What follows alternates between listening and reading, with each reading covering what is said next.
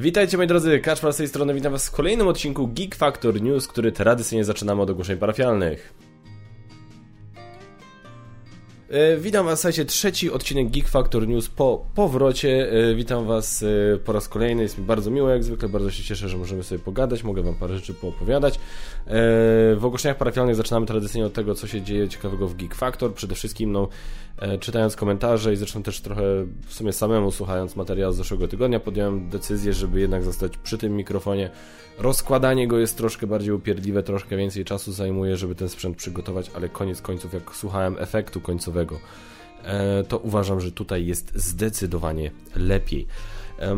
teraz tak, co, co jeszcze się dzieje? Słuchajcie, gry do recenzji. Zawsze w tym segmencie się chwalę grami, które dostałem do recenzji i ostatnio wpadło do mnie takie małe pudełka, pudełeczko. E, ci, którzy słuchają i oglądają, mam w ręku Machina Arkana. Razem z dwoma dodatkami, ponieważ dostałem od razu z dodatkami, co mnie bardzo cieszy radość ma wielka. No niestety jestem teraz w trakcie, w takim maratonie dosyć. Yy, na szczęście nie, nie jest ze mną tak, jak było pod koniec zeszłego roku właśnie. To jest taki, to jest ten taki nowy rodzaj maratonu, gdzie ja już mam, obczajem sobie jakby taką maksymalną liczbę gier, którą chcę mieć w danym momencie. I właśnie ten pułap osiągnąłem, więc na, machin na machinę będzie trzeba odrobinę poczekać, ale na pewno na kanale się pojawi zarówno wideoinstrukcja, jak i recenzja. Wideoinstrukcji na pewno też poruszę temat dodatków, to od razu Wam mówię. Kolejna rzecz. Y, Kickstarter, GameFound, wspieram to, zagram w to na razie w miarę spokojnie. Jest jeden wyjątek, o którym chciałbym koniecznie Wam powiedzieć, to jest gra o nazwie Earth. Earth jest grą e, taką troszkę z tego co tutaj widzę będzie się kojarzyć z terraformacją Marsa. Ostatnio się śmialiśmy z pandą, że teraz każdy musi mieć swoją terraformację Marsa. E, jest e, Ark tak, i teraz będzie Earth.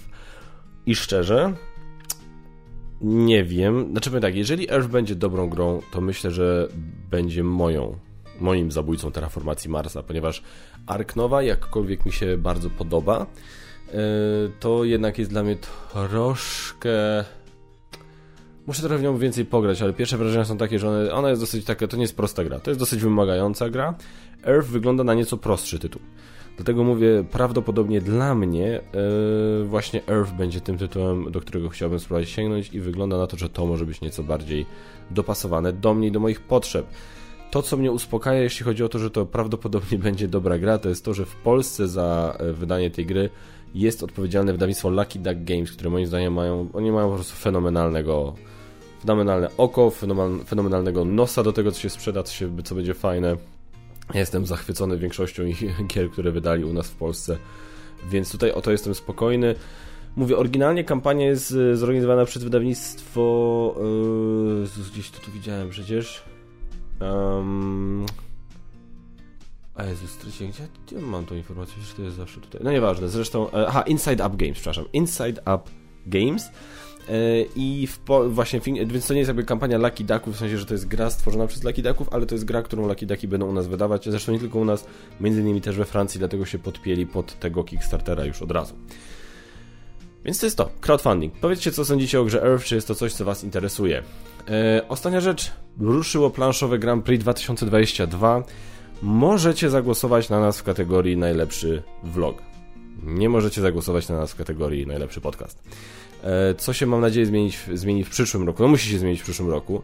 E, no bo tam jest takie minimum ustawione, że musi być chyba tam 12 odcinków w roku, żeby móc zakwalifikować podcast do tej kategorii. W zeszłym roku tych 12 odcinków niestety nie mieliśmy. Nie obrażam się, rozumiem, ja z podcastem zrobiłem taką dosyć ryzykowną rzecz, że najpierw chciałem w ogóle z tego zrobić osobny kanał, gdzie jakby bym zapraszał ludzi nie tylko związanych z planszówkami, no to tam jakby trochę średnio wypaliło. Dlatego w tym roku postanowiłem na tym, z tym podcastem wrócić na kanał główny właśnie. E, no i jakby rozumiem to, że, że jakby rozumiem z czego ta zasada wynika i absolutnie nie mam do nikogo pretensji. E, zauważyłem natomiast tak, taką ciekawostkę, że jak spojrzałem po różnych moich konkuren moich kolegach, koleżankach z branży pod podcastowej, ale tutaj od razu też mówię, patrzyłem tylko na YouTube, więc nie wiem jakie są statystyki wyświetleń i na, na Spotify'u, na iTunesach i tak dalej. Tego nie wiem.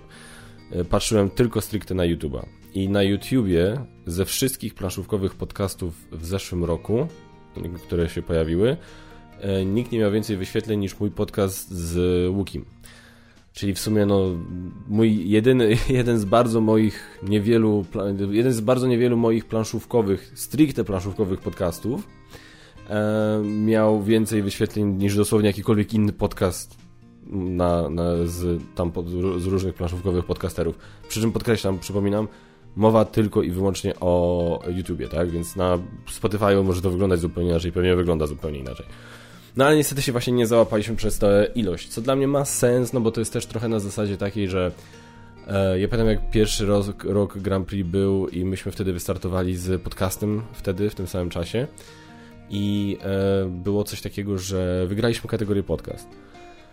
No i tam, tam Ignacy na, e, na, na, na planszówkach TV opowiadał, że e, trochę zakulisowo tam leciało hejtu na Geek Factor. Oczywiście no Ignacy tak opisał, że to było takie trochę pół żartem, pół serio, przy czym jeśli o niego chodzi, to jestem w stanie uwierzyć, że to było pół żartem, pół serio. Natomiast, że właśnie coś takiego, że tam są były podcasty, które po prostu tyle czasu na rynku, tyle lat na rynku, a tu nagle wchodzi Geek Factor z trzema odcinkami i, i wygrywa kategorię podcast. Ja się mnie to tam rozbawiło trochę, ba, trochę ba, bardziej niż e, bardziej niż jakoś tam poruszyło, no ale jakby też, ja też jakby zrozumiałem z czego wynikała ta wygrana, tak? Jest jednak sporo takich e, kanałów wideo, e, z wideo, wideo recenzentów na, na, na naszym rynku, e, typu, gdzie na, którzy na przykład dzielą widownię, tak? Na przykład ja i Gambit mamy bardzo dużo mamy bardzo dużo osób, które ogląda zarówno Gambita, jak i mnie. Mamy bardzo dużo wspólnych patronów tak naprawdę. Więc jakby ja się domyślałem, że to mogło wynikać, to była bardziej akcja z tego typu, że, tego typu, że ktoś mógł stwierdzić, że dobra, to nie wie, ach, Jezu, kategoria vlogi, no na kogo zagłosować, na Geek Factor czy na Gambita, nie? No dobra, o fajnie, Geek Factor ma podcast, na Geek Factor zagłosuję w kategorii podcast, a we vlogi zagłosuję na przykład na Gambita. Totalnie się spodziewałem, że tak właśnie mogło być, więc żeby nie było takich akcji, że ktoś sobie nagra dwa odcinki i nagle ma podcast, E, i tak de facto w ten sposób zgarnie nagrodę, której nie miałby szansy zgarnąć w jakiejś innej kategorii, powiedzmy, no to właśnie pewnie dlatego właśnie Krzysztof wprowadził zasadę, żeby, żeby miał przynajmniej tych 12 odcinków, czyli tam jeden odcinek miesięcznie, nie? Ja to rozumiem i trochę mnie to też zmotywowało, bo tak patrzyłem na to, że to byłby chyba, to jest chyba drugi rok z rzędu, jeżeli nie skłamałem, to jest chyba drugi rok z rzędu, gdzie ja właśnie nie wyrobiłem tej minimalnej liczby e, wymaganych odcinków i właśnie stwierdziłem, nie no kurde, tak nie może być. Ja naprawdę lubię te podcasty nagrywać, one są dosyć, widzę, że ludzie lubią je nawet oglądać i słuchać. No więc sam sobie robię krzywdę tego nie, nie robiąc, więc zmiana, po prostu wracamy na kanał główny. Geek Factor News jest teraz podcastem, więc nawet samym Geek Factor News ja za 3 miesiące wyrobię te normy, prawda? No. I jeszcze jedna uwaga a propos planszowego Grand Prix. Jeżeli jesteście ciekawi, na kogo ja będę głosował na planszowym Grand Prix, to zapraszam Was na kanał za tydzień w czwartek, ponieważ za tydzień, w przyszłym tygodniu Geek Factor News będą wyjątkowo nie w piątek wieczorem, a w czwartek wieczorem. Oczywiście zostaną na kanale, będziecie mogli sobie je w piątek wieczorem odsłuchać. E, nagram też je sobie na, na jako, Auda, jako Audacity, Audacity, jako Plig Wave, czy jako tam MP3 i wrzucę to na e, Spotify'a. E, żeby więc ta transmisja na żywo też potem będzie do odsłuchania na, w formie audio na Spotify'u. E, po prostu będzie to live stream, na którym ja przejdę przez wszystkie kategorie planszowego Grand Prix i zobaczycie na kogo głosuję. No będziecie mieli, widzieli ekran, więc będziecie mieli jeden do jeden widzieli na kogo głosuję. Tyle. To się wydarzy w czwartek za tydzień, czyli 24 lutego. Teraz słuchajcie, przejdźmy, to bo to wszystko jeśli chodzi o ogłoszenia parafialne, przejdźmy śmiało do e, newsów. Newsy, moi drodzy, słuchajcie, dzisiaj tych newsów troszkę nawet mamy, bo to znowu, to jest dosyć fajnie, podoba mi się. Trochę taka branża filmowo-telewizyjna zaczęła ożywać po pandemii, e, na co mi się, co mi się bardzo podoba, bo jak po prostu była, był ten taki początek, e, ten par, pierwsze parę miesięcy pan, pandemii, od momentu jak się wszystko pozamykało, gdzie kina były zamknięte, gdzie nie wiadomo było w ogóle co się będzie działo, to to dla fanów kina, dla fanów telewizji to był po prostu taki no turbo nudny, długi okres, nie? Więc cieszę się, że to zaczęło używać. I zaczęło używać w yy, świetnym stylu, słuchajcie, Quiet Place 3. Dokładnie, w kinach było w tym roku Quiet Place 2. Genialny film, praktycznie tak samo dobry jak jedynka. Może jedynka była trochę lepsza, bo było tam więcej Johna Krasińskiego, którego uwielbiam jako aktora. No ale w dwójce było dzięki temu, że było go mniej jako aktora, było go więcej jako reżysera.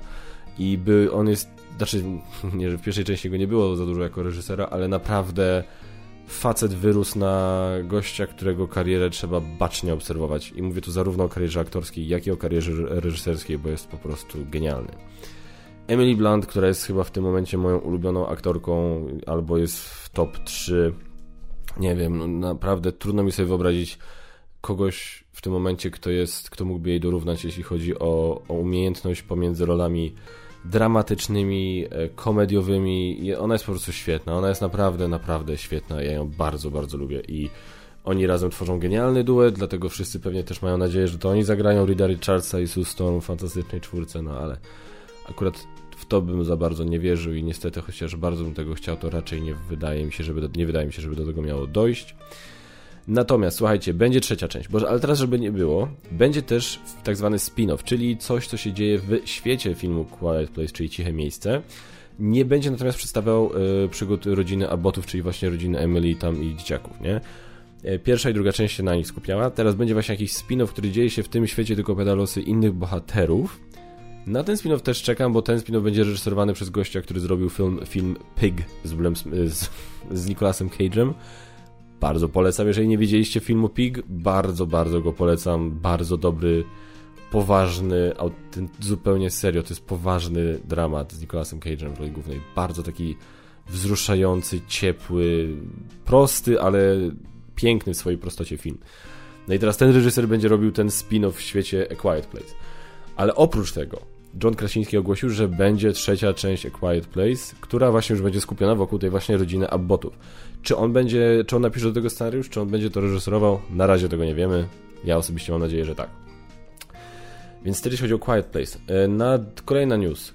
Kolejny news. Nad, pojawił się nowy trailer. Zresztą teraz był Super Bowl, więc się pojawiło kilka trailerów.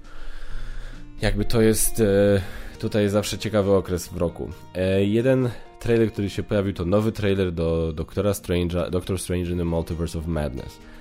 No i powiem wam tak. To, co się tam dzieje, ja się już nie mogę tego filmu doczekać. Ja nie wiem, ja nie wiem, co się stało, co mi strzeliło do obarzy, jak go nie dałem na swoje top 10 oczekiwanych filmów 2022. Ten film będzie po prostu świetny. I tak, tam się pojawia w tym trailerze jakaś postać, której, z którą słyszymy i widzimy fragment jej głowy od tyłu, taki zamazany trochę, nieostry. No i wiele osób od razu zobaczyło, kto to jest i napisało i zaczęło pisać nawet w nagłówkach, a ja to oglądałem i tego nawet nie wyłapałem. Więc jeżeli nie wyłapaliście znanego żadnego aktora, który mógłby grać inną znaną postać ze, ze świata Marvela, yy, to nie oglądajcie trailera, bo znaczy inaczej, to, to nie czytajcie nagłówków, unikajcie nagłówków, bo możecie, bo, bo może sobie, może uda wam się zachować te informacje i ten sekret jeszcze aż do, aż do premiery filmu w maju. Natomiast no, jeżeli wiecie, słyszeliście kto tam był i kto, rozpoznajecie, czyj to był głos, no to to się szykuje. Słuchajcie, te, a plotki jakie ja słyszę na temat tego, kto się ma pojawić w tym filmie, to jest po prostu jakaś miazga. To jest jakaś totalna miazga i totalne szaleństwo. Już nawet nie chcę ich mówić, bo może niektóre z nich będą się okażą prawdą. Wątpię, żeby się wszystkie okazały prawdą. Podejrzewam, że które się mogą okazać prawdą, ale jakie, co, nie wiem, a może tak, bo teoria jest generalnie tam taka, że on będzie, jak sama nazwa wskazuje, gdzieś tam krążył po tym multiversum i będzie spotykał różne postacie. I teraz mamy masę plotek, że to są na przykład postacie, które znamy z innych filmów. Albo postacie, które znamy z różnych filmów, ale zagrane przez innych aktorów. W ogóle zupełnie innych aktorów. Takich bardzo znanych aktorów, więc są naprawdę. Plotki są po prostu genialne tutaj. Genialnie się to czyta nie wierzę dosłownie w żadną z nich, bo się nie nastawiam na żadną z nich. Ale jakby chociaż kilka z nich się sprawdziło, to ja będę po prostu. Ten film może być po prostu szalony. To jest, to jest słowo, które mi przychodzi do głowy. Szalony film. Co w sumie, no, Multiverse of Madness. Jakby nie było. Peacemaker, serial, który leci aktualnie na HBO, będzie drugi sezon. Peacemaker, czyli bohater grany przez Johna Cena w filmie The Suicide Squad, wyreżyserowany przez Jamesa Gunna. E, ciekawostka, James Gunn napisał scenariusz do e, serialu Peacemaker w czasie kwarantanny, bo mu się nudziło.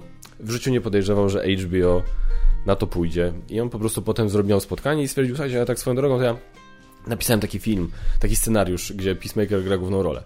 A weź pokaż. Ty, zajebiste. Dajesz. Robimy z tego film, robimy z tego serial, nie? Można, można. Słuchajcie, nie dość, że tak powstał ten serial. Oficjalnie jest poszła informacja, że będzie drugi sezon, a mało tego, drugi sezon będzie. Y, każdy odcinek drugiego sezonu będzie napisany i wyreżyserowany przez Jamesa Gunna. Nie ma za co. E, słuchajcie, jest taki serial na e, Paramount, Paramount Plus, który przy odrobinie szczęścia i VPN-u można legalnie sobie gdzieś tam oglądać. I tam jest taki serial Yellowstone. E, napisany przez Taylora Sheridana, którego bardzo lubię. Jest fantastycznym, takim. Na, naprawdę gościu ma ucho do niezłych dialogów i potrafi, opisy, potrafi tworzyć naprawdę ciekawe i wciągające historie. Ten gościu zrobił między innymi napisał scenariusz do filmu Sicario. On napisał scenariusz i wyreżyserował film Wind River, więc no, no generalnie naprawdę genialnie facet pisze i, i, pisze takie proste, ale w swojej prostocie bardzo poruszające gdzieś tam i wciągające historie. No jest ten serial Yellowstone i jakiś czas temu na, tej, na Paramount Plus zadebiutował prequel tego serialu 1883. No rzecz, która się dzieje na Dzikim Zachodzie, tak? 1883. Zresztą Yellowstone to jest też w sumie taki no western, który toczy się współcześnie. I teraz poszła wiadomość, że 1883 dostanie drugi sezon od y, Paramount. Tak samo zresztą jak Mayor of Kingston, o którym już mówiłem w, y, dwa, dwa odcinki temu. Też serial robiony m.in. przez Taylora Sheridana. No i to jest właśnie kolejny serial jego autorstwa, który jest efektem jakiegoś jego dealu z y, Paramountem. Będzie jeszcze jeden serial, który, gdzie Taylor Sheridan będzie odpowiadał za, będzie za, będzie za niego odpowiadał, to będzie jakiś tam serial z Zoe Saldaną. I jeszcze jeden serial z tym, a, Boże. Sling Blade. Billy Bob Thornton. E, więc no... Nie wiem, wygląda na to, że każda rzecz, która wyjdzie na Paramount Plus, jakiś, każdy oryginalny serial, który się pojawi na Paramount Plus, który będzie warty oglądania, wyjdzie spod pióra Taylora Sheridana. No. Co zrobić? E, a propos drugich sezonów, ogłosili drugi serial, sezon serialu Halo. Halo. Ciekawe, nie? Jeszcze nie było premiery pierwszego sezonu, a już jest drugi sezon. Zapowiedziany, co prawda. Yy, nie wiadomo kiedy na razie, nie wiadomo nic, ale owszem, będzie. No wszyscy, wszyscy czekają na y, premierę. Halo Series will debut on Paramount Plus, znowu Paramount Plus, 24 marca 2022. Dlatego zainteresujcie się y, VPN-em i y, opcją z obejrzenia rzeczy z Paramount Plus. Kolejny serial, który powraca, trzeci sezon serialu Barry. Uwielbiam Barry'ego, jest to jeden z najlepszych seriali. Pierwsze dwa sezony były genialne, Bill Hader jest genialny, fabuła jest świetna, dowcipy są takie, że my po prostu ryczeliśmy, jak był taki drugi, jeden sezon, jeden odcinek w drugim sezonie, gdzie oni ścigali dziewczynkę taką, ja pierdzielę, ja, myśl, ja tam autentycznie, ja, ja rzadko aż tak reaguję, ale jak myśmy oglądali ten odcinek z Basią, myśmy, ja autentycznie spadłem z kanapy. Ja rzadko kiedy aż tak się śmieję. Ja autentycznie spadłem z kanapy. To było tak chore, tak popieprzone, ale ja pierdzie, no, no mówię, no genialna rzecz. Barego, Barego absolutnie wam polecam, jest na HBO. Yy, pojawił się, a Jezu, ja chciałem tak się dzielić film od seriali, a przegapiłem sobie, przedstawiłem sobie newsa. Yy, nope, nowy film Jordana Pila, pojawił się trailer i nic, nikt nic nie wiedział o filmie Nope. Pojawił się trailer, i w sumie nie wiemy wiele więcej. Coś z kosmitami? Nie wiem. Trudno powiedzieć. Filmy, trzeba przyznać Jordanowi Pilowi, że jego filmy są dosyć oryginalne. Nie ma... Y, ja, ja, nie jestem może zachwycony tymi jego filmami tak bardzo, jak co niektórzy. E, Get Out było świetne, ale miało troszkę jak dla mnie, trochę, trochę jak dla mnie straciło przy zakończeniu. E, As było ok, trochę zyskało przy zakończeniu. E, natomiast, no, ale, ale powiem tak, pomimo tego, że nie jestem aż tak nimi zachwycony, może jak tam czytałem recenzję z zachodu, to mimo wszystko uważam jego umysł za bardzo ciekawe miejsce i jestem bardzo ciekawy kolejnych jego projektów. Więc na Nope czekam i Nope bardzo chętnie obejrzę. Mówię, jest trailer, oczywiście linki do tych wszystkich trailerów i tak dalej zobaczycie w opisie. Kolejny serial Asoka. E, Ray Stevenson Asoka, serial, który będzie zbudowany wokół postaci Asoki, którą znacie z serialów animowanych Star Wars, yy, która się pojawiła w drugim sezonie Mandaloriana. Yy, jej w Mandalorianie jej rolę zagrała Rosario Dawson. Uważam, że nie znam serialu animowanego, tam Rebels czy Clone Wars, czy jak one tam mają, więc nie wiem na ile Rosario Dawson się sprawdziła w tej roli, jako w sensie jako odniesienie do oryginału animowanego jako Rosario Dawson w tej roli mi się bardzo podobała. Asoka była fajną postacią i bardzo się cieszę, że powstanie osobno jej serial, bo jestem zresztą fanem Rosario Dawson. No i teraz się pojawił, e, pojawił news, że do tego serialu dołączy Ray Stevenson. jako czarny charakter. Ray Stevenson jest bardzo dobrym aktorem. Był świetnym czarnym charakterem w jednym z gorszych seriali, niestety gorszych sezonów Dextera, ale on był tam świetny. E, od razu mówią, żeby, żeby nie chcą zdradzać, kim dokładnie będzie, ale od razu też uspokajają pewnie, żeby nie, nie, ludzie sobie nie robili nadziei. Nie, on nie będzie grał Throna, tak? Więc to jest to jest już z góry powiedziane. To będzie, on będzie admirałem nawet jakimś podobno, ale to nie będzie Admiral Throne. Więc bądźcie tego świadomi. Um, Better Call Saul, tak jak podejrzewaliśmy, w kwietniu powróci na ostatni swój sezon. Tylko ten sezon będzie podzielony na dwie części. To będzie teraz tak, że 18 kwietnia się zacznie, zacznie, się zacznie poleci 7 odcinków, potem wrócą 11 lipca. I już polecą, poleci ostatnie 7 odcinków. I koniec Better Call Saul. Smutna historia. Smutna. Jezus Maria. Najgorsze jest to, że tam ciągle jest ta postać tego jej, jej dziewczyny, żony, tak? Jezu, dawno temu oglądałem ten piąty sezon i, i czwarty sezon i w sumie już e, czy który nawet nie pamiętam, który ostatni sezon. Ja przez to, że to oglądałem takim binge'em, to już nie pamiętam, który sezon. Szósty był, będzie ostatni, czyli piąty. Piąty sezon skończyłem już dawno temu. Ja nawet nie pamiętam, czy ona była jego żoną, czy jego dziewczyną, no nie pamiętam. No postać grana przez Raya Sheborn jest fajną postacią, ale no nie było jej w Breaking Bad, tak? Nie było jej w Breaking Bad. A ich relacja jest bardzo bliska w tym momencie. No, z końcem piątego sezonu ich relacja jest bardzo bliska. Nie wiem, co to znaczy, jeśli chodzi o jej los. Ale martwię się o ten los, no. Szkoda by było. Wiemy, że Mike przeżyje. Wiemy, że Gaz przeżyje. A ona? E, ostatnia rzecz. E, tutaj mogę, że będę musiał chwilę poświęcić, dlatego zostawiłem to na koniec. Pojawił się trailer do nowego serialu Władca Pierścieni The Rings of Power. To jest serial, który będzie na Amazonie. Serial, który będzie na Amazonie w sierpniu, we wrześniu, przepraszam, 2 września 2022 roku zadebiutuje. E, no i teraz tak.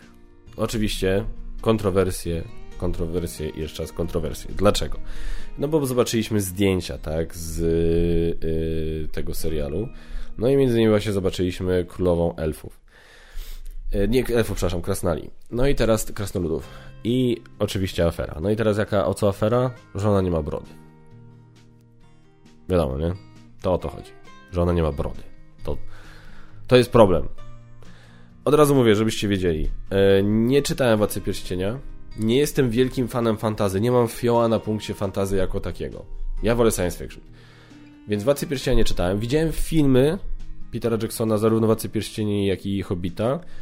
I Władca Pierścieni uważam jest świetną trylogią. Jest naprawdę genialną trylogią, jeśli chodzi o jedną z lepszych, naprawdę jedną z totalnie najlepszych filmowych trylogii w historii kina. Mówię, jeżeli nie najlepszą pod kątem tego, pod kątem trzymania poziomu. Naprawdę, to jest, to jest niesamowite. To, jak ten film trzymał poziom, te filmy trzymały poziom, to jest po prostu rzecz genialna. Nie mam na, natomiast na punkcie tego obsesji, tak? Więc to nie jest, więc od razu mówię, no moje zdanie z perspektywy osoby, wiecie, jeżeli ktoś traktuje literaturę Tolkiena bardzo poważnie i, jest naprawdę jej wielkim fanem, to będzie miał zupełnie inne oczywiście spojrzenie na całą sprawę i oczywiście będzie miał do tego spojrzenia pełne prawo, no na tym tak to działa, tak? Jeżeli ktoś darzy jakąś twórczość, olbrzymim szacunkiem, olbrzymim po prostu, olbrzymią miłością. I widzi, że zaczyna się tam dziać coś, co jakby odbiega od, od obrazu, który sobie ta osoba stworzyła w głowie, no to to ma prawo, taka oryginalna, normalna, naturalna reakcja ma prawo być, a nie jestem pewny, nie jestem pewny. To akurat z tym ja nie mam problemu. Ja natomiast z kolei, jak ja podchodzę do takich spraw, to jest coś takiego, że dla mnie naprawdę nie ma znaczenia, yy, czy elfy, krasnoludy i tak dalej, czy, ta, czy one będą czarnoskóre. Dla mnie to nie ma naprawdę żadnego znaczenia, ponieważ uważam, że to jaka jest postać, powinniśmy, jakby patrzymy, powinniśmy na to patrzeć pod kątem jej psychiki i jej zachowania.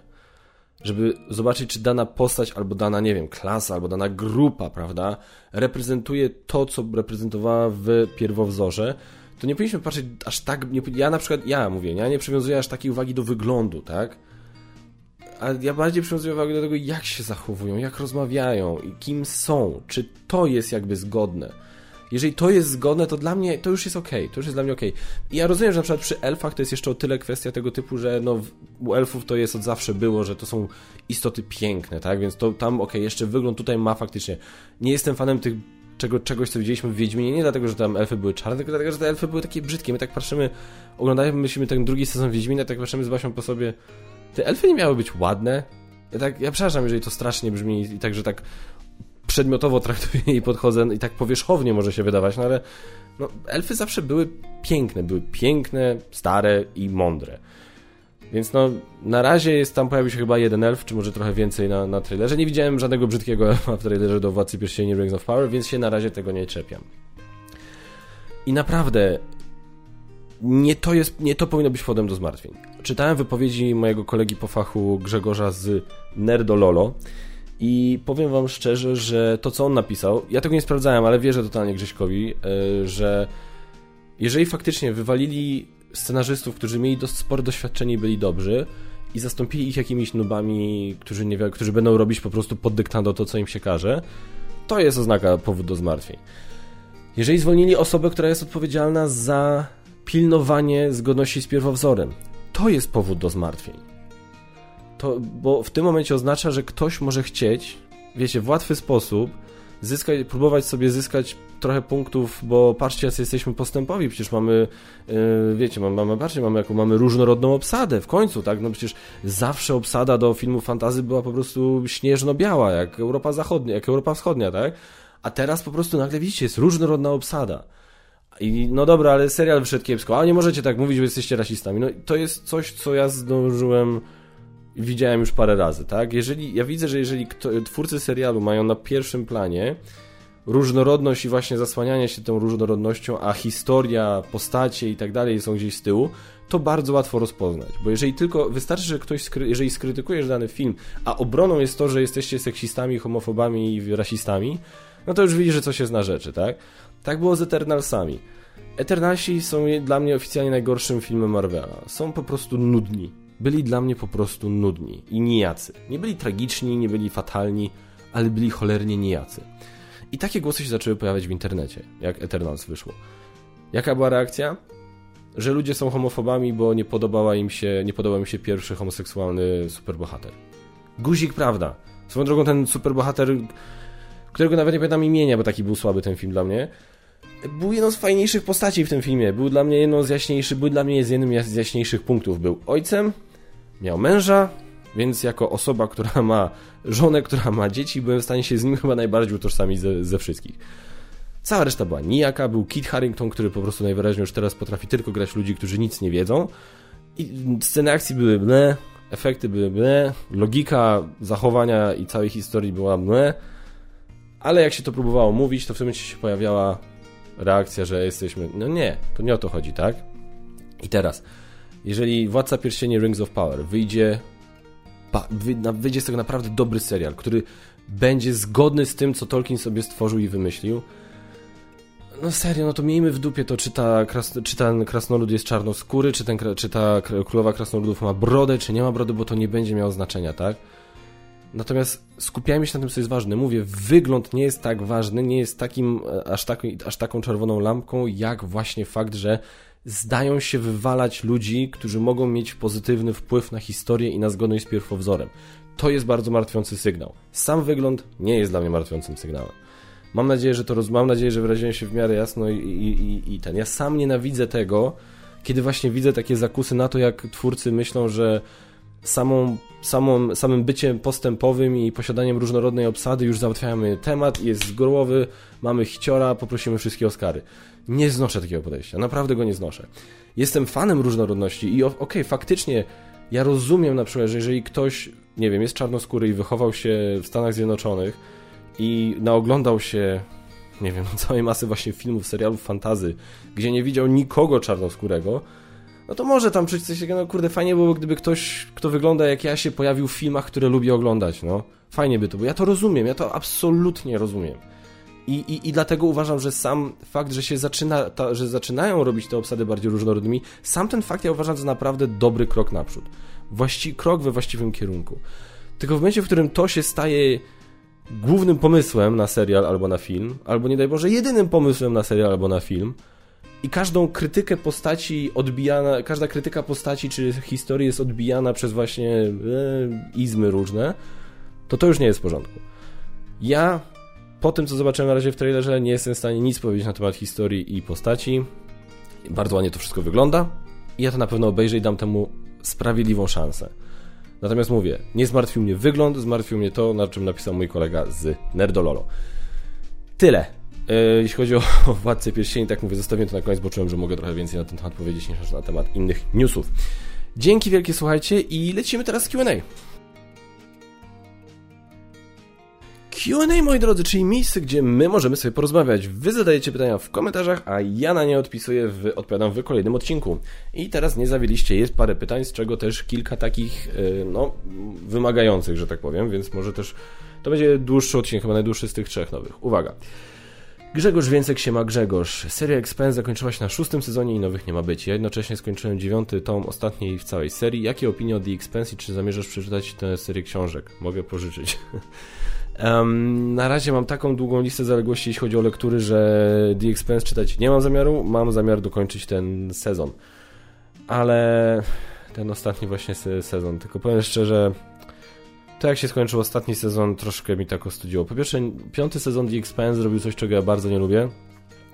W serialach, gdzie mamy obsadę złożoną tam z kilku osób jest taka, i ta chemia między tą grupą jest bardzo istotnym elementem tego, co do mnie przemawia w danym serialu.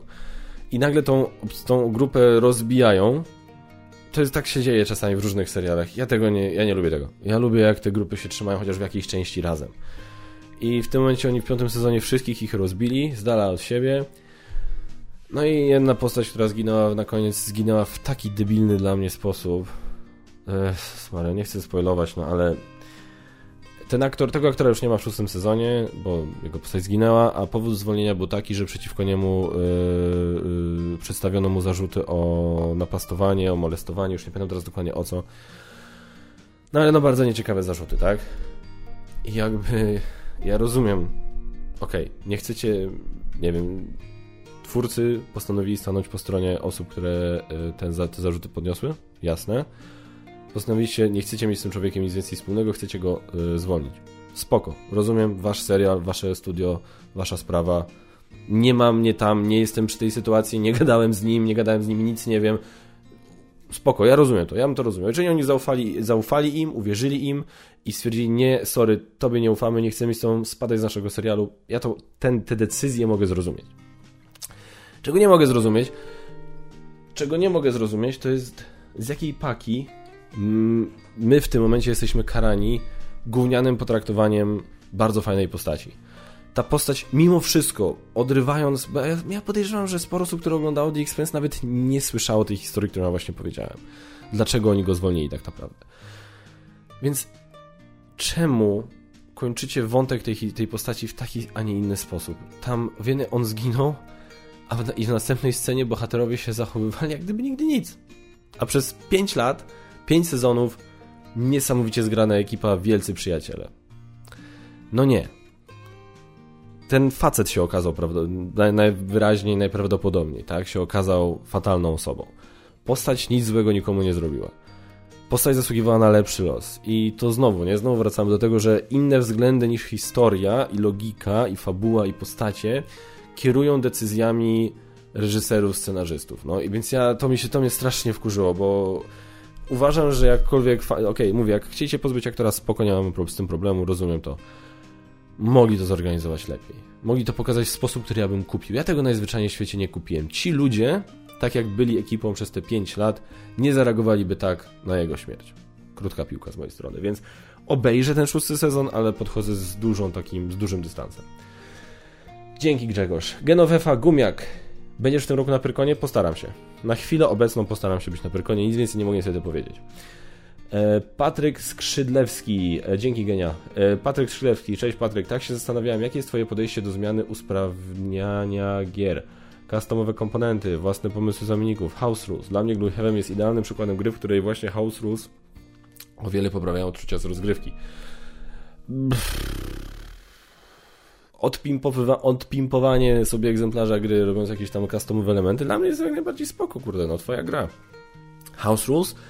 Eee, róbmy, róbmy to, jeżeli nie mało tego, róbmy to i dzielmy się tym. To w Mariposa chyba było coś takiego, że ktoś zrobił House Rule na dwuosobową rozgrywkę i Elizabeth Hargrave napisała, ej, ten pomysł jest lepszy niż to, co my mieliśmy.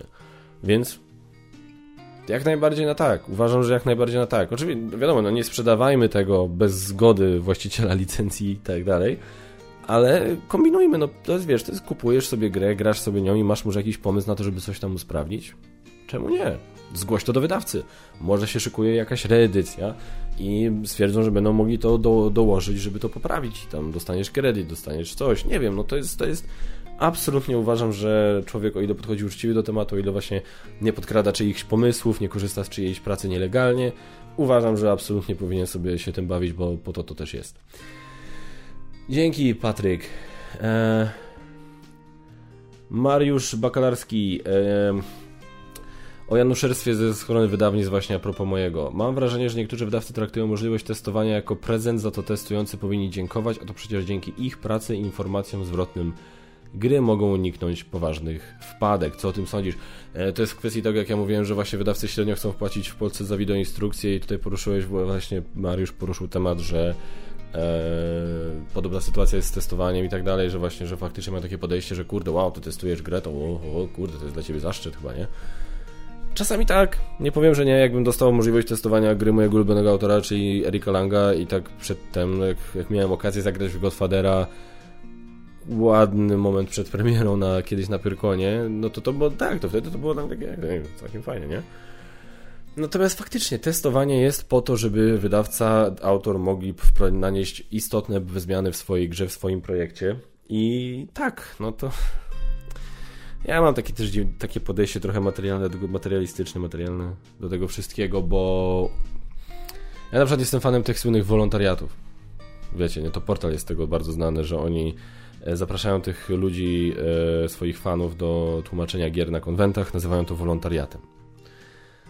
Znaczy to jest taki prawdziwy wolontariat zgłoszony do urzędu, gdzie jest potem odpisywany i oni sobie mogą wziąć ten wolontariat, zanieść do szkoły czy gdzieś tam, że ten... Nie wiem, nie wydaje mi się, ale nie wiem. Natomiast, no nie, no dla mnie to jest takie trochę... To jest praca, tak? Ja tłumaczyłem grę na konwentach i dostawałem za to pieniądze. Bo to jest praca. Pracujesz dla działu sprzedaży, dla działu marketingu i sprzedaży, tak? Bo pomagasz ludziom, którym tłumaczysz grę, potencjalnie podjąć decyzję o zakupie danej gry. Więc jesteś absolutnie zatrudniony, tak? To jest Twoja praca, która pomaga w podjęciu tej decyzji. Twoja praca, która pomaga dany tytuł sprzedać lub nie. Więc ja osobiście, ja rozumiem, że niektórych wydawców może na to nie być stać, no, żeby płacić wszystkim ludziom, którzy tłumaczą ich gry, no ale no to jest trochę na zasadzie, no sorry, no jak mnie na coś nie stać, no to po prostu tego nie kupuję, tak? Jakby z drugiej strony jest to uczciwe, uczciwie podchodzą do tematu, tak? Nie robią czegoś takiego, że powiedzą, że zapłacą, a potem nie płacą. No nie, no mówią wprost. Przyjdźcie, dla, pomóżcie nam tłumaczyć gry, w zamian dostaniecie grę na przykład, albo coś tam. Ale nie pieniądze. No to mówią to otwarcie i teraz ludzie się na to godzą albo nie.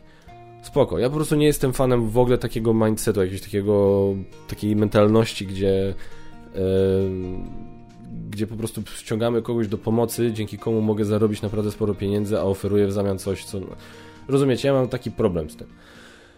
I w związku z tym tak, no testerzy gry powinni coś dostawać. No nie wiem, czy pieniądze, no bo jeszcze jakby, nie no fakty, fakt faktem jest, że gdybyśmy mieli zacząć płacić teraz testerom za testowanie gier, no to to byłby już koszt, no zwłaszcza, że umówmy się, często gęsto po takich testach gra trafia do kosza cała. Albo na, do szuflady na kilka miesięcy, albo na kilka lat. Więc to, byłaby, to byłoby bardzo duże ryzyko ze strony finansowe ze strony wydawcy, żeby płacić testerom za testy. No tu, tu się, tutaj trzeba trochę na, tak na to spojrzeć. Ale żeby nic kompletnie... No wiecie, nie? Na tej zasadzie. Mam nadzieję, Mariusz, że troszkę odpowiedziałem Ci chociaż na pytanie. Mówię, tak staram się tutaj tak ostrożnie wypowiadać, bo ja wiem, że moje poglądy nie są... E, moich poglądów nie podziela sporo osób, podejrzewam, w branży i nie tylko w branży, więc nie chcę, nie chcę gówno burzy tworzyć wokół siebie niepotrzebnej.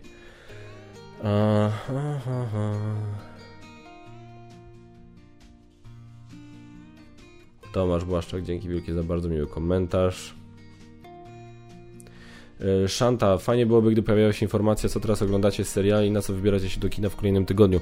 E, śledź nas na social mediach. Ostatnio się robi coraz lepsze, jeśli chodzi o wrzucanie na Instagrama, co za tym idzie na Facebooka, Geek Factor. E, tego właśnie, że na czymś byliśmy w kinie, albo na coś idziemy do kina, albo że na coś oglądamy sobie, siedzimy i oglądamy jakiś serial. Tam naj, najprościej takie informacje można znaleźć. Zresztą będzie topka seriali, będzie topka filmowa, więc będziecie też mogli to zobaczyć. Uwaga. Eee...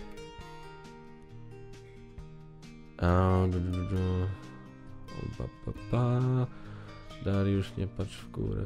Tak. Always Whisky, dzięki, dzięki. Eee, Q&A od Sirflita. Jakiego dnia nagrywasz program? Do którego dnia w tygodniu zadawać można pytania, by nie zostały pominięte? Bardzo cenna informacja. Do czwartku rano, bo czasami nagrywam czwartek z samego rana przed zalogowaniem się do mojej pracy, albo tuż po pracy, albo wieczorem. Natomiast nie, nie chcę, na, na, najpóźniej nagrywam to w czwartek wieczorem, więc ale najwcześniej czwartek rano nagrywam, najpóźniej czwartek wieczorem, więc do tego momentu, do czwartku rano najlepiej zadawać pytania. Porcelanka Q&A. Ile czasu w tygodniu i ile w weekend zajmuje Ci przeciętnie ogrywanie gier, a ile wszystko, co związane z prowadzeniem kanału? Jak Ty to robisz, że mając trójkę dzieci, w tym jedno małe, jesteś w stanie to wszystko pogodzić? Ja mam w tej chwili na pokładzie niemowlaka i przez większość tygodnia nie mam czasu nawet wyciągnąć gry na stół. Szukam pocieszenia. I drugie pytanie, wraz z dorastaniem najmłodszej córy planujesz może zrobić topkę gier dla dwóch, trzech, dwóch, trzy, czterolatków? Może ta topka, nie wiem, zobaczę, będę testował różne rzeczy z nią i zobaczymy jak to wyjdzie. Pierwsze pytanie. Um, no powiem Ci tak, mam bardzo mało y, czasu na takie swoje, swoje sprawy. Bardzo mało czasu na leniuchowanie. Y, wszystko zapełnia coś. Wszystko jest zapełniane przez coś. Przez każda wolna chwila, każdy wieczór Młoda idzie spać o 20, starszaki już też wtedy się zajmują sobą, ja idę spać w przenożniaku o 23, więc to są 3 godziny każdego dnia, które w ciągu tygodnia, które poświęcam na granie solo, na montowanie tak itd. Wstaję odpowiednio wcześnie, żeby jeszcze przed pracą móc coś porobić. E, każdy dwa dni w środku tygodnia, najczęściej poniedziałki, środy są przeznaczone na nagrywanie różnej ilości materiałów. E, często gęsto biorę urlop ze swojej pracy po to, żeby spędzić dwa dni takim ciurkiem po prostu przez 10 godzin dziennie na ogrywaniu albo nagrywaniu, montowaniu. E, w weekendy kilka godzin czasami staram się wygospodarować, ale wieczory już, ale tak to w ciągu dnia w weekendy raczej staram się rodzinie poświęcić, a wieczory coś tam z Basią gramy i oglądamy. E, więc dlatego na przykład bardzo mało książek teraz czytam, bo po prostu nie mam gdzie tego wsadzić. Więc no, jest to możliwe, ale trzeba raczej, od, o, o, trzeba raczej się pogodzić z myślą, że nie, nie ma się za dużo takich momentów, gdzie na przykład można sobie usiąść i poleniuchować, prawda? Więc to jest. No to jest niestety e, smutna rzeczywistość tego, więc tak to u mnie wygląda. Dzięki, dzięki wielkie porcelanka. E... Mateusz na to nie będę odpowiadał, bo nie mam bladego pojęcia ile kosztowała moim zdaniem, ile moim zdaniem Rebel zapłacił za logo na recenzji Clash of Cultures Game Troll TV. Zapytaj się Game Troll, jak będzie chciał, to ci na pewno odpowie. ja nie, nie wnikam.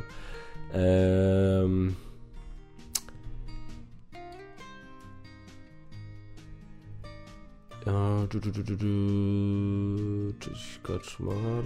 Uwaga, e, przedostanie pytanie.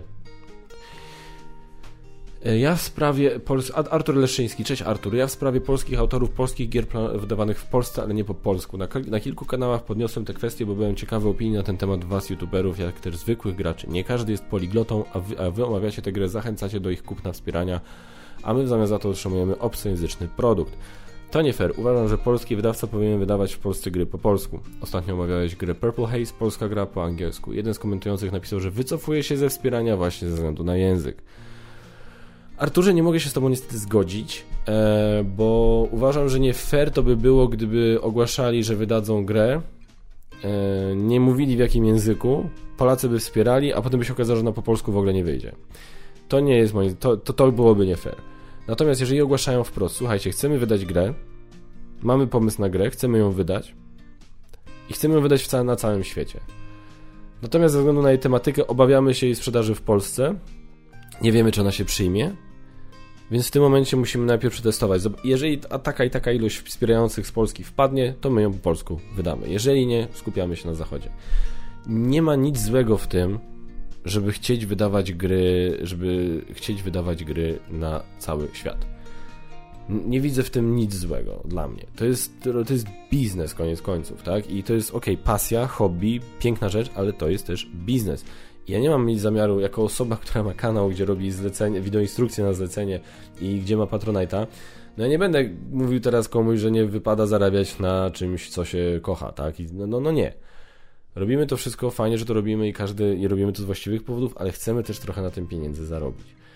No i teraz, jeżeli ktoś twierdzi, że jego pomysł jest na tyle dobry, że może się sprzedać za granicą i ma koncepcję na to, jak to sprzedać za granicą, to kim my jesteśmy, żeby mu zabranić? Sam powiedzieć, nie, nie rób tego za granicą, rób to tylko w Polsce?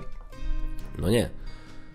No ale, a więc skupia się na tym, żeby zrobić, więc postanawia skupiać się na, na, na, rzeczach, które się doskonale przyjmą na całym świecie. No i zaczyna to robić i idzie mu to coraz lepiej i zaczyna wydawać kolejne tytuły i kolejne tytuły i nagle się okazuje, że z jakiegoś powodu zagraniczny rynek czuje o wiele lepiej niż polski rynek. Co jest możliwe, to nie jest też nic złego, tak? Nie ma też wstydu w tym. No, jak... Podróżował ze swoimi grami po całym świecie i okazało się, że najlepsze wyczucie, najlepszy instynkt ma co do rynków na przykład zachodnich. Albo wschodnich, ale załóżmy rynków zachodnich. Więc do dzisiaj stwierdza, dobra, dla mnie w tym momencie najlepszą opcją jest skupić się na rynku zachodnim, ponieważ tam mogę dostarczyć naprawdę coś na najwyższym poziomie. A na rynku polskim yy, spróbuję znaleźć partnera. No. no i teraz jak znajdzie, to znajdzie, jak nie znajdzie, to nie znajdzie, tak? Do danego tytułu na przykład, bo nie znajdzie partnera, trudno byłoby znaleźć partnera, który by szedł, tak, wydam każdą grę, którą wy zrobicie. No nie, no, no może jakieś prawo pierwokupu ewentualnie i tak dalej, ale no na zasadzie no będziemy próbować, tak? No i gra wojenna o Wietnamie w Polsce nie wiadomo, czy by się aż tak dobrze przyjął, więc stwierdzili, nie no, podejdźmy ostrożnie, tak? Oni mogliby wtopić bardzo dużo pieniędzy i stwierdzić, dobra, to też robimy po polsku. Pamiętajmy, że to jest koszt. Przy teksty, wszystko to jest koszt. No i teraz stwierdziłby, no dobra, no to robimy. Nagle się okazało, że z lipa by się nie sprzedało. No, polski rynek jest jaki jest. Wychodzi bardzo dużo gier na całym świecie. Polski rynek jest świetny, ale jest ciągle mimo wszystko nie jest taki duży, wbrew pozorom. Więc no nie można wydawać wszystkiego, co się chce, jak leci w Polsce, bo się po prostu wtopi z tymi rzeczami. I tak jak niektóre tematy, które ktoś robi po, wiecie, ktoś robi po polsku jakieś kampanii kickstarterowej, jak ktoś robi na przykład na zagranicę kampanię kickstarterową, ale na dzień dobry mówi, że będzie coś po polsku, no to okej, okay, można, ale jak ktoś ma obawy, bo nie wie, czy się przyjmie, no to też chyba jego prawo, tak, żeby to spróbować jakoś przetestować. No ja to rozumiem na przykład. To, jest, to nie wynika z tego, że ktoś jest nie fair wobec polskich graczy. Przepraszam was. To nie z tego to wynika, tak? To wynika z tego, że nie jest przekonany, że dany jego pomysł, który ma przecież prawo mieć i ma prawo chcieć go zrealizować, przyjmie się w Polsce, więc woli to przetestować na zasadzie jeżeli się pojawi tyle i tyle wspierających, to wydamy to w Polsce. Nie pojawiło się, no więc okazuje się, że w sumie co? No w sumie miał rację chyba, tak? No logiczna sprawa, no dla mnie, ja mówię, ja tam nie widzę z tym, nie mam z tym żadnego problemu, bo to to wszystko to jest prosty temat. To jest na zasadzie mam koncepcję na biznes i uważam, że mam skilla, potrafię wyjść z nim na zachód, na cały świat.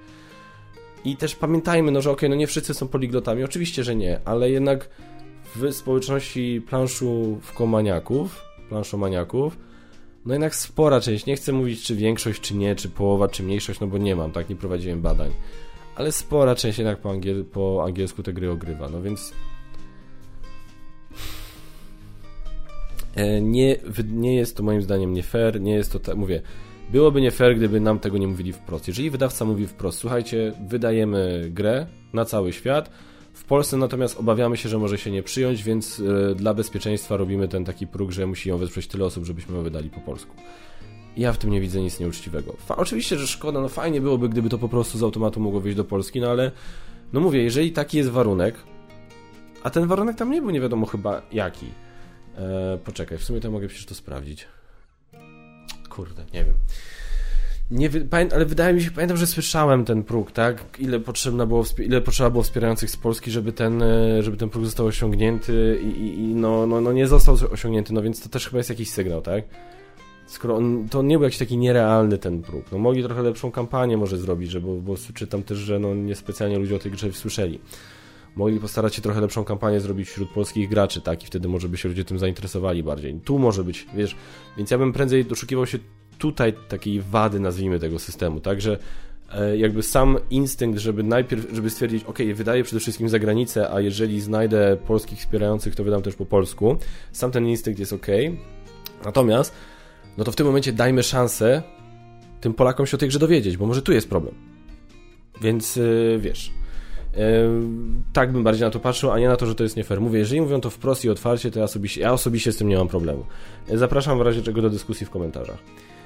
Nerdolollo, dziękuję Ci bardzo za Twój komentarz, bardzo fajny, bardzo miły, bardzo dziękuję, że wspomniałeś o tym, że wcale najdroższy nie jestem. Jest to wbrew pozorom bardzo ważny komentarz w tym momencie, jakby ktoś kiedyś chciał to oglądać dalej. Taka bardzo istotna walidacja. W ramach pyta pytania, przepraszam, do najbliższego Q&A. Podałbyś jako ciekawostkę, ile czasu zajmuje od początku do końca proces tworzenia i wrzucenia przykładowego materiału na tubę, wiesz, ile czasu średnio zajmuje przygotowanie przed kręceniem, jakiś konspekt filmu, scenariusz, ile czasu zajmuje rozstawienie sprzętu, samo nagranie, potem składanie materiału, rendering, wrzucenie na tubę, potem ustawienie opisów, opcji filmu, zabawa z miniaturką, wrzucenie kanału, list, linków na różne twoje kanały social media itd. Mam wrażenie, że ludzie czasami nie wiedzą, ile to czasu i pracy, więc warto to co jakiś czas przypominać. Jasne, jak najbardziej. A więc, po poznaniu gry, no i teraz wiadomo, to poznanie gry do recenzji jest y, dłuższe niż do y, wideoinstrukcji, bo do wideoinstrukcji wystarczy tak naprawdę w grę raz dokładnie zagrać z, z instrukcją w ręce, chyba że to jest jakaś turbo skomplikowana gra, to wtedy trochę więcej. No ale załóżmy, że ten etap mamy za sobą. Poznawanie gry mamy za sobą. Teraz tak, wideoinstrukcja. Scenariusz do wideoinstrukcji musi być, żebym ja pamiętał co poruszyć, żebym ja potem sobie tam zaznaczył tak to ujęcie jest nad stołem, to ujęcie jest jak jest kamera na mnie, tak? No to, to muszę sobie dokładnie porozpisywać i pozaznaczać. No i te scenariusze, pisanie tych scenariuszy zajmuje mi od godziny do 3-4 godzin w zależności od ciężaru gry. A nawet może i więcej czasami. Przy takich, przy Clash of Cultures chyba mi zajęło 6-7 łącznie. Pisanie tego i ustawianie tutaj, tu ja, tu, tu, tu ja. No ale może 6-7 to przez... No, coś takiego. Ale, ale tak generalnie, taki najprostszych gierek, znaczy najprostszych, najprostszych gierek to faktycznie to nawet już tam nie piszę scenariusza, bo to już teraz tam w miarę mniej więcej wiem, ale no takie gry zaczynające się od takiego poziomu, nie wiem, takiego smartfona na przykład, czy Aquatiki, no to tam już jakiś scenariusz musi być, nie? I to właśnie takie 3-4 godzinki. Łącznie z czytaniem, z poprawkami. Rozstawianie sprzętu to jest zawsze 20 minut 20 40, do 45 minut, nie? W zależności od tego, jak, jak szybko mi idzie, co mam nagrywać, czy muszę wszystkie lampy rozstawiać, czy muszę te mikrofony wszystkie rozstawiać, czy laptopa do tego, czy jest Yeti, czy jest jedna kamera, czy dwie. No ale tak mniej więcej bym powiedział między 20 a 45 minut samo rozstawianie sprzętu. Nagrywanie. Clash of Cultures nagrywałem 5 godzin, wszystko. Przy czym miałem dokładną mapę, nie? Ten scenariusz. To, to, to, to, to, to, to, to i znałem bardzo dobrze grę, więc to leciało szybko, nie? Eee, prostsze gry tak około dwóch godzin, samo nagranie. Dwóch, dwóch i pół. Tak, bo ja zawsze zapominam o tym segmencie. Ten segment, jak ja jestem nad stołem, to ten segment zawsze zajmuje mi prawie tyle samo przy każdej instrukcji. Może trochę dłużej przy tych cięższych, bo jest tam tego więcej, ale tak de facto to wszystko leci na jakim jednym ujęciu, jak ja jestem. Ja to potem sobie z tego wycinam i wstawiam. Więc to jedno ujęcie zawsze trwa około 10-15 minut, więc tam z przestawieniem kamer i tak dalej, to łącznie jakieś tam powiedzmy pół godzinki, nie? Zwijanie sprzętu podobnie 20 do 45 minut. Montaż. Ja rzadko robię to ciurkiem. Ciurkiem to ja robię krótkie recenzje i filmy. Tak, krótko to, to, to, to, to, to, to, to robię ciurkiem. No i to wtedy montaż tam mi zajmuje powiedzmy około dwóch godzin. E, taki Clash of Cultures to ja robię z przerwami dwa dni, e, przepraszam, dzień, czasami półtora. Nie? Ale mówię, ale z przerwami, nie? nie jest tak, że cały czas siedzę i robię, tylko porobię, porobię, porobię, coś pójdę przeczytać, coś pójdę popracować, coś pójdę pograć i tak dalej, i tak dalej. E, jeszcze co do scenariuszy. Jeżeli mam takie recenzje, gdzie ja siedzę nad stołem i po prostu mówię, co ja sądzę o grze, no to tutaj jakby nie mam specjalnie scenariusza, może jakieś notatki co do punktów, które chcę poruszyć, ale to równie dobrze robię też w trakcie gry nawet, więc to, na to nie poświęcam za dużo czasu. Te recenzje nowe, które zacząłem robić, gdzie mamy, wiecie, te yy, kilka ujęć różnych i tak dalej, i tak dalej, to tam to trwa. Tam to piszę scenariusz, nie? Więc tutaj muszę ustalić i tak dalej tu chcę, żeby było to, tu chcę, żeby było to, no i taki scenariusz mi zajmuje około półtorej, półtorej godzinki na przykład, nie? No, montaż, y, no to już powiedziałem, rendering zależy, przeważnie zauważyłem dwa razy, na te, teraz jak montuję ostatnio w tym moim programie i na tym szybszym dysku SSD, zdaje się to się nazywa, to przeważnie trwa to dwa razy dłużej niż trwa, od półtora do dwa razy dłużej y, trwania filmiku. Trwa rendering, wrzucenie godzinka, max, opisanie 15 minut, wrzucenie na social media, nie wiem, bo rzadko to robię. No, nie mam już siły przeważnie. Jak już jestem po tym wszystkim i on już jest wrzucony na YouTube, to już przeważnie stwierdzam, masz ma dosyć. Nie chcę na to patrzeć z dala. Nie wiem, czy zauważyliście, ja stosunkowo rzadko wrzucam linki na Facebooku do moich materiałów, że już nie wspomnę o wrzucaniu tych linków na grupę gry i tak dalej. Jakoś tak. Nie potrafię, nie potrafię się w sobie zebrać, żeby to robić. Wiem, że powinienem, ale nie potrafię. No więc, no, myślę, że już wiecie. Dzięki bardzo, Nerdololo. I dziękuję bardzo, bo to było ostatnie pytanie. Mam nadzieję, że jesteście zadowoleni. Odcinek trwa godzinkę niecałą, więc mówiłem, że będzie najdłuższy, ale było o czym gadać. Yy, polscy autorzy niepolskich gier, yy, czarnoskóre krasnoludy bez brody. No, no, słuchajcie, no, tem, po prostu dosyć spektrum tematów omawianych w tym odcinku uważam jest dosyć szerokie. Piszcie w komentarzach, co sądzicie. Pamiętajcie, moje opinie są moje i, i one nie są absolutnie żadną wyrocznią. Yy, one są poparte moimi doświadczeniami życiowymi, moim obcowaniem z popkulturą, z grami itd., tak itd., tak więc yy, moją perspektywą w 100% jest to obarczone, więc jeżeli myślicie inaczej, to nie dlatego, że coś nie działa gdzieś komuś, po prostu myślimy inaczej. Bardzo chętnie posłucham i poczytam o Waszych perspektywach na te różne, nawet te kontrowersyjne tematy. Pamiętajcie jednak mimo wszystko, żeby się przede wszystkim szanować, lubić i pozytywnie traktować. I tyle. Dzięki wielkie, słuchajcie. Piszcie w komentarzach. A, yy, właśnie. Piszcie pytania, jak chcecie w komentarzach pod spodem. Tylko od razu mówię, że za tydzień właśnie Geek Factor News będzie w formie live'a w czwartek wieczorem. Ja się będę mógł tam odnieść do tych pytań, yy, ale też jeżeli na przykład jakieś pytanie uznam, że warto by było poświęcić mu trochę więcej czasu w taki sposób, jak dzisiaj to zrobiłem, jak robię to normalnie, to zostawię je sobie na za dwa tygodnie na Geek Factor News normalny. Natomiast wiedzcie, że następny w najbliższym tygodniu będzie live stream Geek Factor News w czwartek wieczorem. Tyle. Dzięki wielkie i tradycyjnie zapraszam, dziękuję Wam za oglądanie i tradycyjnie zapraszam Was do subskrybowania, komentowania, lajkowania, przede wszystkim do oglądania i do grania. No ale zacznijcie od podstawki. Dzięki wielkie, do zobaczenia w kolejnych odcinkach. Cześć!